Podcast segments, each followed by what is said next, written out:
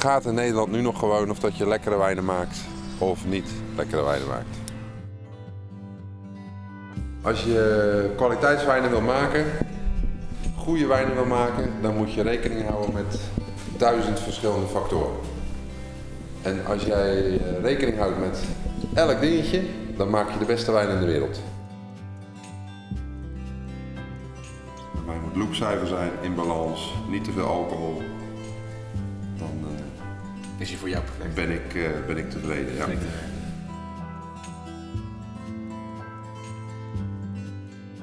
Nederlandse wijn.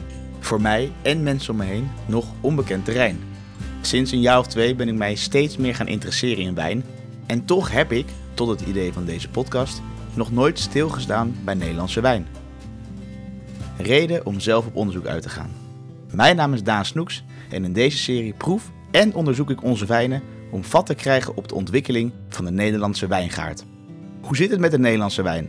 Waarom kunnen wij hier wijn maken? En wat beweegt de Nederlandse wijnboer om in ons regenachtige kikkerlandje druiven te verbouwen tot deze goddelijke drank? Je hoort het in Wijn van Eigen Terrein. Aflevering 2. Zeeuwse Zeelte Zaligheid. We waren bij eh, Bouchon geweest. Daar hebben we denk ik heel veel kennis over het wijn maken eh, gekregen en wat belangrijk is voor de druif. Eh, en wat het eigenlijk nou een lekkere wijn maakt. En ook wel wat meegekregen ehm, over de Nederlandse wijn en wat zij ervan vinden. Zij verkopen er zelf drie. Zij verkopen er drie inderdaad. Eh, we hebben natuurlijk eh, te horen gekregen wat belangrijk is. Nou, de bodem, eh, het weer, de, de wijnstokken. Eh, dus dat hebben ze allemaal eh, aan ons eh, verteld. Ja, En eh, we zijn ook wel met ons eh, neus in de boter gevallen daar. Want we hebben toch wel eh, veel wijntjes mogen proeven. we mogen, ja, en dan niet Nederlandse wijnen, want daar hadden ze niet zoveel van. En dat legt ze ook uit van, nou ja, de productie is ook niet super groot hier in Nederland. Ze hadden het over eh 1,25 miljoen flessen per jaar. Ja, dus dat dat- is 0,005. Ja, dat zijn ze ja, 0,005% van wat er wereldwijd wordt Ja. geproduceerd. Dus dat is echt een mini-mini beetje. En zij legt zelf ook de vergelijking met ehm, de productie van de Nederlandse wijn. Dat betekent dat er 1 op de 10 kan een Nederlandse wijn proeven. Ja, Dus ja. het, is, ja, het, is niet, het is toch wel exclusief. het is eigenlijk wel exclusief, dat kan je wel zo stellen. Dus daar vonden wij wat op. En dat, die tip gaven ze zelfs ook mee. Ga zelf langs. Ja, Dus ja, dat laten wij ons dan ook geen twee keer zeggen. Nee. Eh, momenteel zitten we in de auto en dan gaan we naar wij gaan naar de Kleine Schoren in Kleine- eh, Zeeland. in Zeeland. En we hebben dat eh, gisteren ook een van hun wijnen mogen proeven. We hebben al een tipje van de sluier gehad. Ja, en dat proef je dus ook terug. Die ziltige zeelucht proef je eigenlijk een beetje terug eh, in die wijn van hun. Dat was nog maar één. Zij hebben in totaal eh, ja, vier druivensoorten, maar daar straks alles meer over. Ehm, wij zijn in ieder geval onderweg naar de Kleine Schoren en kijken wat is die Nederlandse wijn. Ja, ja, ik ben heel benieuwd. Op naar Drijschor, op het Zeeuwse eiland Schouwen-Duiveland. Het weer is ons gezind. De temperatuur is aangenaam en het voelt als een ideale dag voor een bezoek aan een Nederlandse wijngaard. De kleine schorre heeft zijn naam te danken aan drie schorren, waarvan de wijnhoeve op de kleinste schoor staat. Een schoor is een stuk aangewassen grond dat bij vloed niet meer overloopt.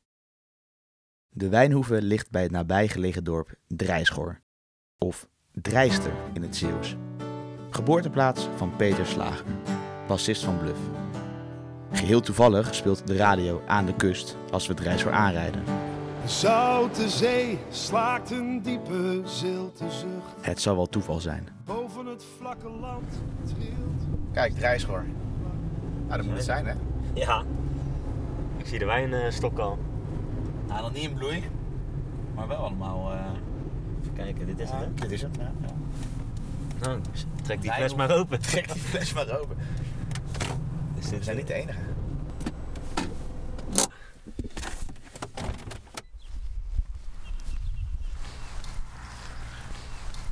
Vanaf de parkeerplaats lopen we naar een oud boerderijtje, met daarnaast een grote hoeve. De oudste van het eiland.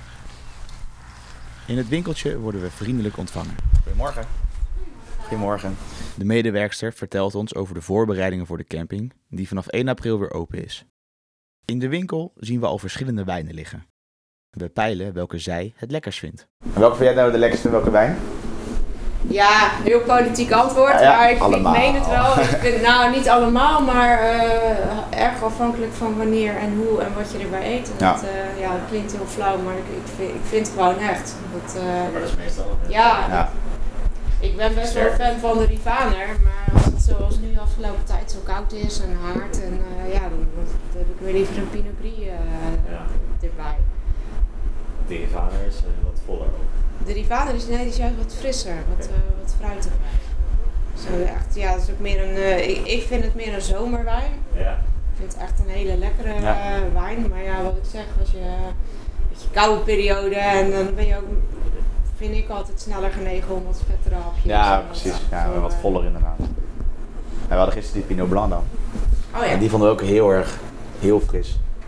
Ja, die is, eh, die is wat droger dan de, Ja. dan de en de. Auxerrois. Die, die zijn wat fruitiger.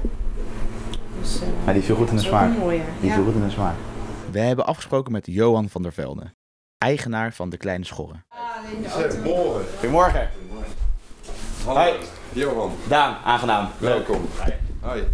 Morgen. We zijn al een beetje bijgepraat eh, Ja, over de dus Kleine je weet Schorren. eigenlijk al We wel. kunnen er eigenlijk weer gaan. eh. Nee, nee. In 2001 legde hij de eerste hectares wijnstokken op Zeeuwse bodem aan. Meer dan 20 jaar later heeft de wijnhoeve zich uitgebreid met meer hectare, een camping en een proeflokaal. Na een korte kennismaking lopen we samen met Johan naar het oudste wijnveld van de Kleine Schorren. Bij de 10 hectare die in 2001 zijn aangeplant, vertelt hij over de oogst van de druiven op Schouwen-Duiveland. Die 10 hectare zijn goed voor een productie van zo'n 80.000 flessen wijn per jaar. Terwijl de wind op het Zeeuwse eiland soms opleidt, legt hij uit dat er voor de oogst 10 tot 20 procent van de druiven handmatig worden weggeknipt en dat niet elke druif dus gebruikt wordt. Weg. Dus, dus Ja. eh, we kiezen ervoor om minder te oogsten, maar wel een hogere kwaliteit. En in principe als jullie dan gaan oogsten, dan eh, er zullen soms ook wat mindere druiven tussen zitten. Wat doen jullie daar dan mee? Nou, we gaan dus voor het oogsten gaan we met de hand eh, alle trosjes langs om slechte druiven te verwijderen. Ja. En daarna plukken we machinaal alleen de goede druiven. Oké, dat gaat machinaal. En dan zit er, eh, ja, als we het goed gedaan hebben, zit er geen slechte druiven Nee, in. precies. En die druiven die gooien we in de natuur in, die laten jullie liggen.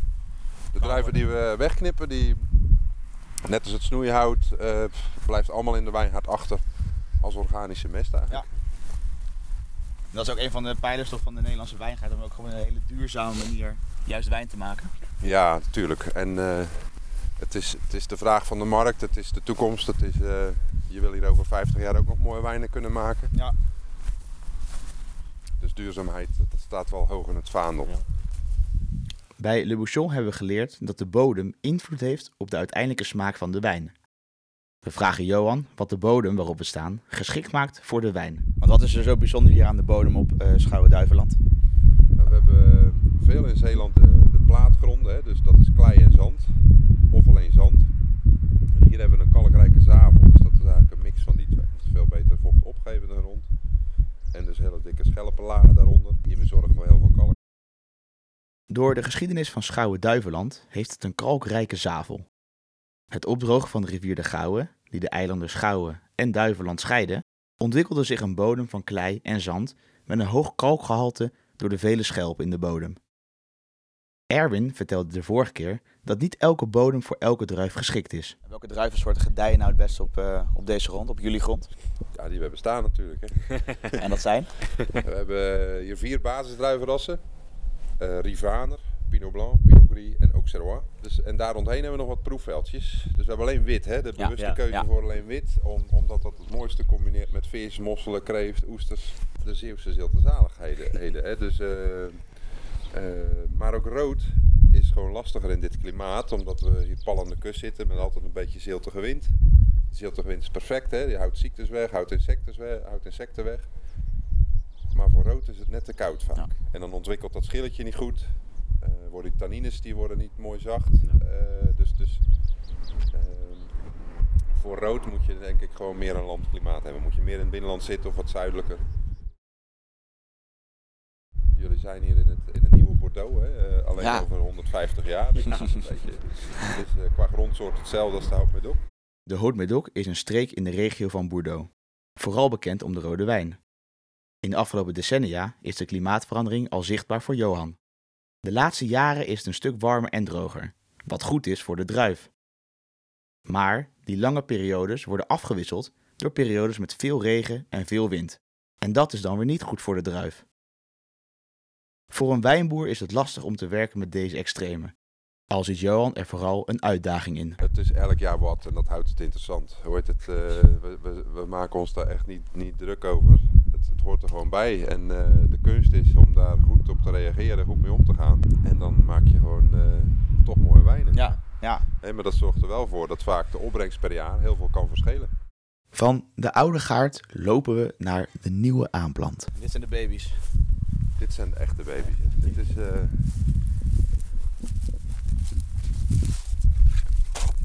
Ah ja. vorig jaar aangeplant. Want hoe lang heeft zo'n eh, zo'n stam nou nodig om echt uit te groeien, zoals bij... Nou ja, Eh, 20 eigenlijk jaar. na zes jaar heb je pas je eerste volledige opbrengst. Ja, Dus het duurt echt wel een aantal jaren voordat je wat, eh, wat hebt. Nou, dat is ook het, het lastige. Als je een wijngaard begint met nul, van nul af. Ja. eh, de, de, de plantjes groeien wel vanzelf, maar ze moeten wel bijgehouden worden. En dan krijg je op een gegeven moment de eerste oogst. Ja, je moet een pers hebben, eh, je moet tanks hebben, je moet wijnmaakapparatuur hebben. Dus dat zijn allemaal dingen die je natuurlijk moet investeren. Heel, hele investeringen. Het heeft ons heeft het, eh, precies 10 jaar gekost om weer een groen cijfertje op onze jaarrekening te tonen. 10 jaar. 10 jaar. Want hoe hebben jullie dan die 10 jaar wel zo vol kunnen houden? Hoe hebben jullie dat... eh, Eh, heel veel dubbeltjes draaien. Dus we hebben een deel van onze grond die we hadden verkocht. We hebben een BV opgericht met aandeelhouders. En we hebben de lease certificaat bedacht. Dus je kan hier eh 10 druivenstokken huren. En dan krijg je dan elk jaar de opbrengst van. Eh, korting als je hier natuurlijk wijn komt Ja. kopen. Een paar gezellige evenementen, nieuwsbrieven. ja, een soort membership. Dus, eh. Ja, een membership. Ja. En dus eigenlijk met een soort van crowdfunding eh, zijn we dit bedrijf begonnen. Ja, want jij was voorheen spruitjesboer. Ja, mijn, ja, mijn ouders waren spruitjesboeren. Ja. Hoe kom je op het idee om wijn te gaan maken dan? Ja, ik volgde de landbouwschool om, om het bedrijf over te nemen van mijn ouders ooit. Maar mijn vader zei eigenlijk van, goh jongen, je kan beter doorleren en een vak leren. Eh, maar dat wilde ik niet. dus ehm, we zijn eigenlijk gewoon gaan zoeken naar iets anders. En eh, mijn vader die eh, kwam een keer terug na een avondje bij onze buurman een beetje doorzakken, zeg maar. En eh, daar was hij met een fles jenever overgehaald om wijnbouw te gaan onderzoeken. Een fles jenever werd dus het startschot om wijn te gaan maken in Zeeland. Na klimaat- en bodemonderzoek, ervaring op een wijngaard in Luxemburg en de aanplant van de druiven, groeide de kleine schoren uit tot een volwaardig wijnmaker in Nederland. Eh, Hoe heb je ervoor gezorgd dat eh, nou ja, de kleine schoren echt op de kaart is gekomen in Nederland? Ja, gewoon, gewoon wel eh, eh, voet bij stuk houden. Hè? Want, want in het begin, eh, wij dachten echt van eh, wijn in Nederland en zeker ook in Zeeland hè, met de mosselen, kreeft, vis, oesters. We dachten echt van nou, een wijn dat, dat is iets wat toch nog ontbreekt. Hè? Eh, en we kwamen bij de eerste restaurants binnen en die mensen zeiden allemaal ja, maar wij kopen wijn in voor 4 euro. En die voor jullie is een tientje, dus dat gaan we niet doen. En daar, schrokken we echt een beetje van. En, en dus eh, heel lastig om, ja, om voet aan de grond te krijgen. Ja. Omdat heel veel mensen dan toch kiezen voor de marge in plaats van het verhaal. Alleen ja, jullie weten ook wat de afgelopen eh, tien jaar zeg maar gebeurd is. Het is helemaal omgedraaid. De mensen gaan nou juist voor het verhaal. Ja. En de prijs is een stukje minder belangrijk. Eh, het combineren natuurlijk van gerechten met wijnen. Eh, het is helemaal hot natuurlijk. Elk kookprogramma staat er vol mee. Eh, elk restaurant werkt met lokale producten ineens. Hè. En ja, dat is natuurlijk hartstikke goed voor, voor onze bekendheid. En ook omdat de wijnen goed zijn natuurlijk. En wat ook veel geholpen heeft, is dat onze wijnen natuurlijk vanaf 2006 uh, World Business Class vliegen bij de KLM. Ja. Ja, dat is niet gek. Dat hoe, is, eh, hoe is dat tot stand gekomen? Omdat de inkoper graag in Zeeland op vakantie eh, ging. Gaat, nog steeds trouwens. En eh, eh, daar kwam hij eigenlijk in, in een restaurantje in Zierikzee kwam die onze Ja. wijn tegen. Maar door die samenwerking met KLM natuurlijk wel meer internationale aandacht. Heeft het ook invloed op de vraag, internationaal gezien, eh, naar jullie wijnen? Ja, op zich, de, de export doen we eigenlijk heel weinig. Hè. Alle, maar we houden dat ook een beetje af. Dus dat, natuurlijk ont- ontstaat er wel meer vraag. Op het moment dat het bij KLM aan boord ligt, want we vliegen nog steeds met KLM, dan staat bij ons de e-mail roodgloeiend met, met gasten van hun, zeg maar, die over hoe kunnen we eraan komen. Ja, En we hebben ook inmiddels gewoon een webwinkeltje, een webshopje eigenlijk, waar de mensen kunnen bestellen. We verzenden gewoon wereldwijd. Ja. eh, maar de echte export doen we niet, want daar hebben we gewoon eh, geen wijn voor. We verkopen eigenlijk alles gewoon binnen Nederland. Is een beetje 40% hier op de hoeve. eh, Vanuit onze winkel en het restaurant. En de rest leveren we met een klein busje rechtstreeks naar onze klanten. Ja. En, eh, dat zijn wijnwinkels, uh, wijnspeciaalzaken, delicatessenzaken, bedrijven en uh, restaurants natuurlijk. Ja. Geen grote internationale export dus. Daar is de wijnvoorraad te klein voor. Precies zoals we in Le Bouchon ook te horen kregen. En zoals Johan het omschrijft, is de Nederlandse wijnmarkt een nichemarkt en blijft de export vooral binnen onze landsgrenzen. Ik ben benieuwd hoe een wijnboer als Johan kijkt naar de ontwikkeling van de Nederlandse wijnmarkt. De groei van de Nederlandse wijn ligt een beetje stil. En dat komt natuurlijk door wat, wat ik net zei, hè, omdat het zo lastig is om, om het goede plekje te vinden. Uh, we hebben niet veel ruimte in Nederland. Het duurt gewoon heel lang voordat je weer wat, wat overhoudt. En dat schrikt gewoon de mensen af. Ja, misschien is dat exclusieve juist van Nederlandse wijn ook wel iets speciaals. Zeker. En uh, inmiddels zijn er uh, natuurlijk uh, meer hè, waar we met z'n allen wel trots op kunnen zijn. Ehm, elke provincie van Nederland heeft inmiddels wel één of meerdere wijngaarden. Ja. En het is echt niet allemaal meer hobbyisme. Maar als je onze zuidenburen ziet, die zijn in, in vier, vijf jaar tijd zijn die van 200, 300 hectare. zijn die gegroeid naar 1200 of misschien zelfs wel 1500 hectare inmiddels. Ja. Dus het, het kan wel. En ik denk dat we in Nederland gaan we natuurlijk groeien. Er komen niet minder wijngaarden, er komen er meer. En wat er komt, wordt ook professioneler gelijk. En uh, ook van een bepaalde grootte dat ze gelijk wat kunnen. Maar het gaat, uh, het gaat niet super snel. We laten de jonge wijngaard achter ons en lopen via de bijgelegen camping van de Kleine Schorren richting het hart van de wijnhoeve. Onderweg vraagt Boris aan Johan over de BOB-status van de Kleine Schorren. En dan hebben jullie ook uh, natuurlijk te maken met uh, Bob, BOB. Ja. Met een BOB-keurmerk, de beschermde oorsprongsbenaming, moeten alle druiven van de wijnen van de Kleine Schorren op Schouwen-Duiveland verbouwd worden. Ook het produceren, verwerken en bereiden van de wijnen moet op het eiland plaatsvinden. Voor Johan geen probleem, aangezien de wijnhoeve daar al aan voldoet. De vraag is wat het BOB-keurmerk voor de Kleine Schorren gaat veranderen. Zijn dat, uh, zijn dat strenge regels of is dat gewoon uh, nee, dat valt wel mee. Alleen die regels die leg je natuurlijk jezelf op. Ja. En die Bob is eigenlijk meer ook een stukje, ja, een stukje concurrentie, uh, veiligheid zeg maar. Hè? Dus, dus mocht er hier een wijnboer uh, de komende jaren in één keer beginnen die, en die wil in die Bob, dan moet hij aan dezelfde strenge regels voldoen als dat wij dat moeten doen. Ja, ja. We hebben zelfs de grondsoort hebben we vast laten leggen, omdat juist hier dat het gebied zo bijzonder maakt. Ja. Dus heb je niet de goede grondsoort, dan kun je eigenlijk al niet in de bob. De aanvraag van Schouwen-Duiveland voor een BOB staat nog altijd uit. Johan moet alleen nog wachten op goedkeuring van de Europese Commissie. Hij is een aanvraag, is al uh, vijf jaar geloof ik. Ja, een drama natuurlijk. Ja. Maar klopt dat ze daar binnenkort uh, uitspraak over doen? Ja, dat we hebben vorig jaar januari nog een keer een lijstje met vragen gehad. En netjes op geantwoord binnen de tijd. En uh, dus ja, we zijn nu weer een jaar verder. Dus, uh, ik verwacht wel dat we hem krijgen. Alleen uh, kan zomaar nog even duren. Ja, wat betekent dat voor, de, voor jullie wijnen dan? Niks. Want die Bob zegt in Nederland helemaal nog niks. Nee. nee. Qua prijs ook nog niet. Nee. Nee, nee, nee. De, de, de, ja, zou ik zeggen, de, de, het gaat in Nederland nu nog gewoon of dat je lekkere wijnen maakt of niet lekkere wijnen maakt.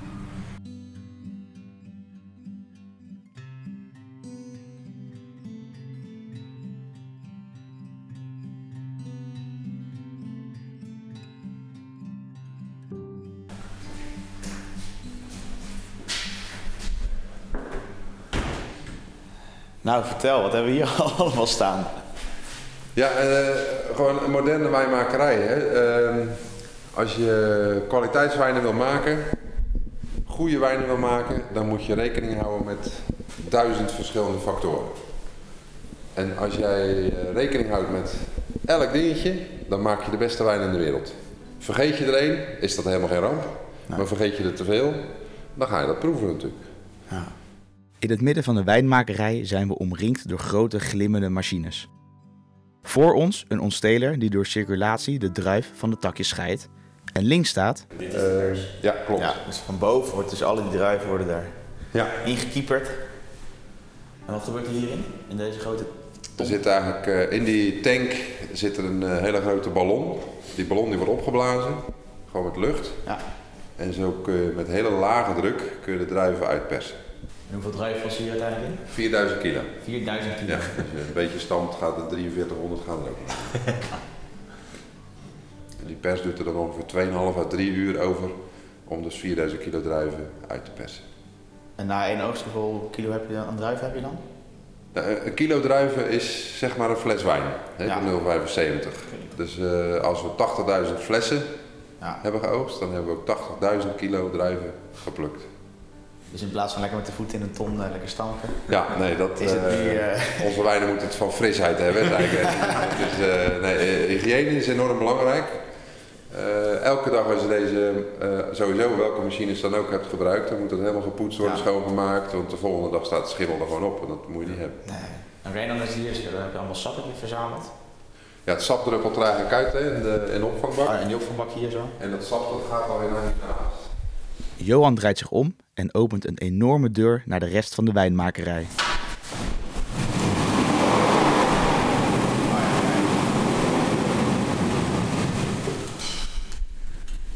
En dit zijn al die RVS. Ja, wij gebruiken maar een heel klein deel eikenhout. Hè, dus we, we hebben wel een paar eikenvaten zoals je daar zag. ja. Maar het merendeel is van staal, omdat je dus beter je fruit en je frisheid vasthoudt. Hout geeft natuurlijk ook weer een smaak af. En dat zou gewoon bij het merendeel van onze wijnen veel te veel overheersen. Ja.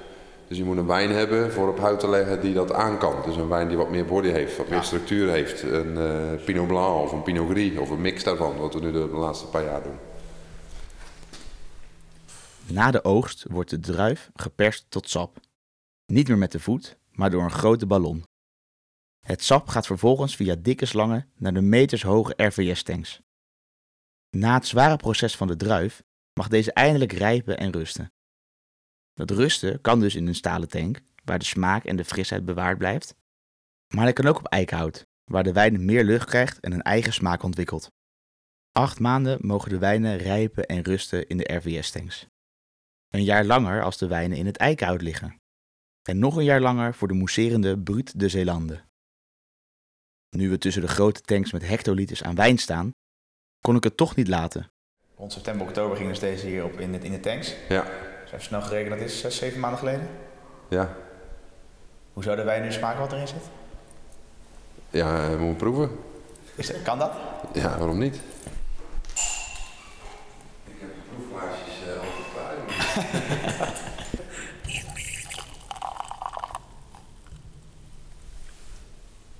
Dit is een rivale. De Rivane.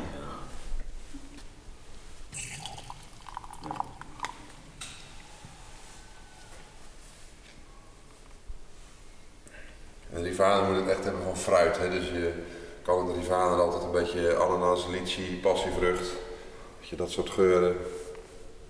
Wat, Hij is eh, nog redelijk beetje Sauvignon Blanc-achtig. Ja, de wijnen moeten nog gefilterd moet worden. nog worden, ja. En als je wijn proeft, heb ik geleerd, dan doe je dat zorgvuldig.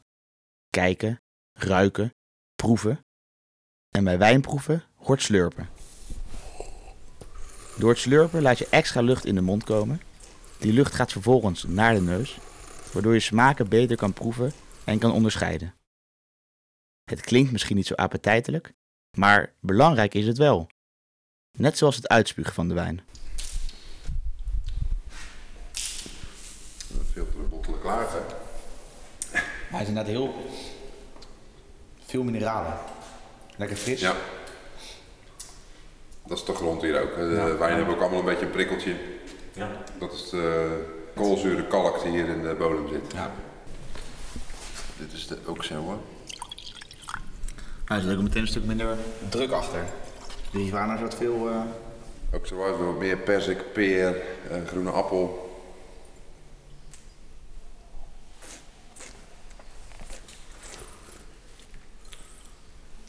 En wanneer is de wijn nou voor jou perfect? Dat is die nooit.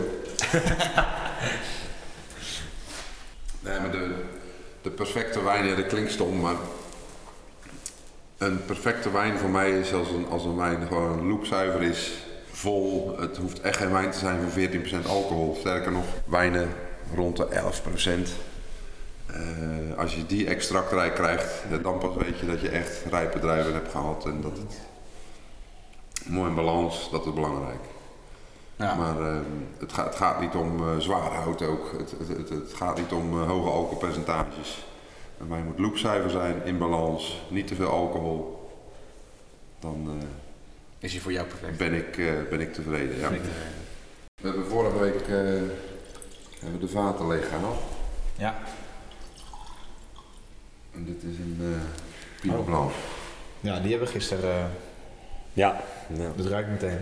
Maar deze heeft dan weer echt een beetje dat uh, houterige ruikt. Ja, dit, dit eh, komt uit de eikenhouten vaten. Oké. Oh. Eh, dit moet ook meegefilterd worden natuurlijk alvorens het gebotteld Ja. kan worden. Vanaf de wijnmakerij lopen we door een deur naar het proeflokaal. Johan heeft ons al veel verteld over hoe de kleine schorre werkt. Het verhaal van de Nederlandse wijnmaker zelf heeft ons veel geleerd over onze wijnen. Het verhaal sluit aan op wat we eerder bij Le Bouchon hoorden. Ook Johan benadrukt dat de Nederlandse markt klein en niche is. Maar er zit wel groei in. Ondanks de rijke bodem door de ligging van de wijngaard, ligt de kleine schorre, vanuit historisch oogpunt, toch op een listige plek. We hebben natuurlijk ook die uitdaging met het gevecht tegen het water. Ja, hoe bereid je je daarop voor of hoe ben je daarmee bezig? Want Weet maar iets mis te gaan in het- Eh, de, de- natuurlijk, wij zijn niet tegen klimaatopwarming, hè. Dat, dat is, eh, nee. eh, maar ehm, de extreme die het meebrengt en de risico's inderdaad van zeespiegelstijging, eh, ja, dat is eh, denk ik gewoon een, eh, enorme uitdaging waar je. ja, een uitdaging die erbij hoort. Ehm, we zitten niet eh, echt dicht bij, eh, bij de zee. Eh, we zitten eigenlijk al een beetje op een verhoging in het, in het platteland. Dus ik verwacht niet direct eh, in mijn generatie problemen. Maar ja, ik kan ook geen uit, 100 ja. jaar vooruit kijken. Nee. En hele dagen roepen dat we naar de, naar de kloten gaan, om het zo maar te zeggen, dat, daar ben ik niet van. Ik ben een positieveling en Ja. eh, eh, we nemen het zoals het komt en we proberen daar eh, zo goed mogelijk eh, mee om te gaan. En, Het is in ieder geval een enorme uitdaging dat klimaat. Nederland is echt nog niet gelijk een wijnland. Dat, dat komt ooit wel, denk ik. Alleen er gaat echt nog wel wat tijd overheen. eh. Onze tijd bij de kleine schorre zit erop. Johan gaat terug naar de camping waar het nieuwe sanitair wordt aangelegd voor aankomend seizoen. Tevreden en enthousiast kijken we terug aan ons bezoek aan deze Nederlandse wijngaard aan de Zeeuwse kust. Vier druivenrassen waar frisse en fruitige wijnen worden gemaakt die hand in hand gaan met vis, oesters, mosselen en kreeft. De Zeeuwse zilte zaligheden.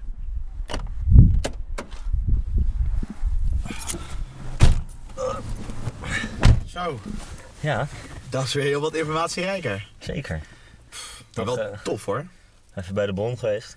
De bron van eh, een van onze Nederlandse wijnen. Ja, Nou, hij was in ieder geval heel bevlogen over hoe hij het zijn werk doet en met name ook hoe zij erover denken.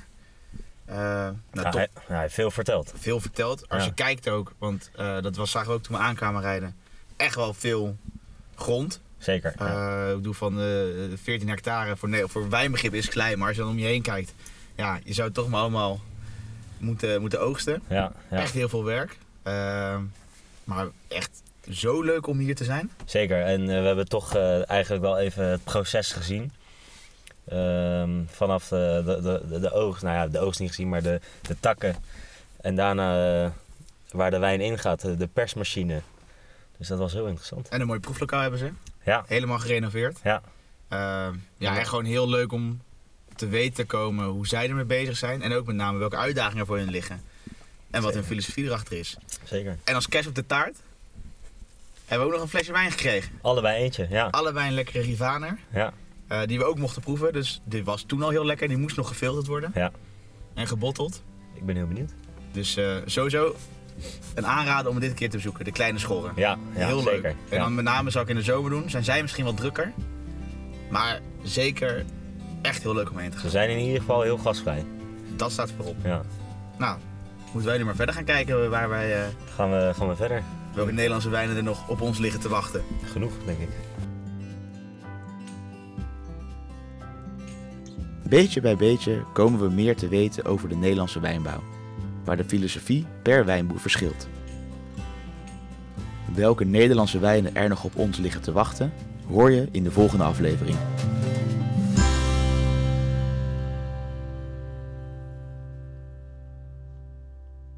Deze podcast is gemaakt door Daan Snoeks met dank aan Boris van den Berg en Johan van der Velde van Wijnhoeven de Kleine Schorren.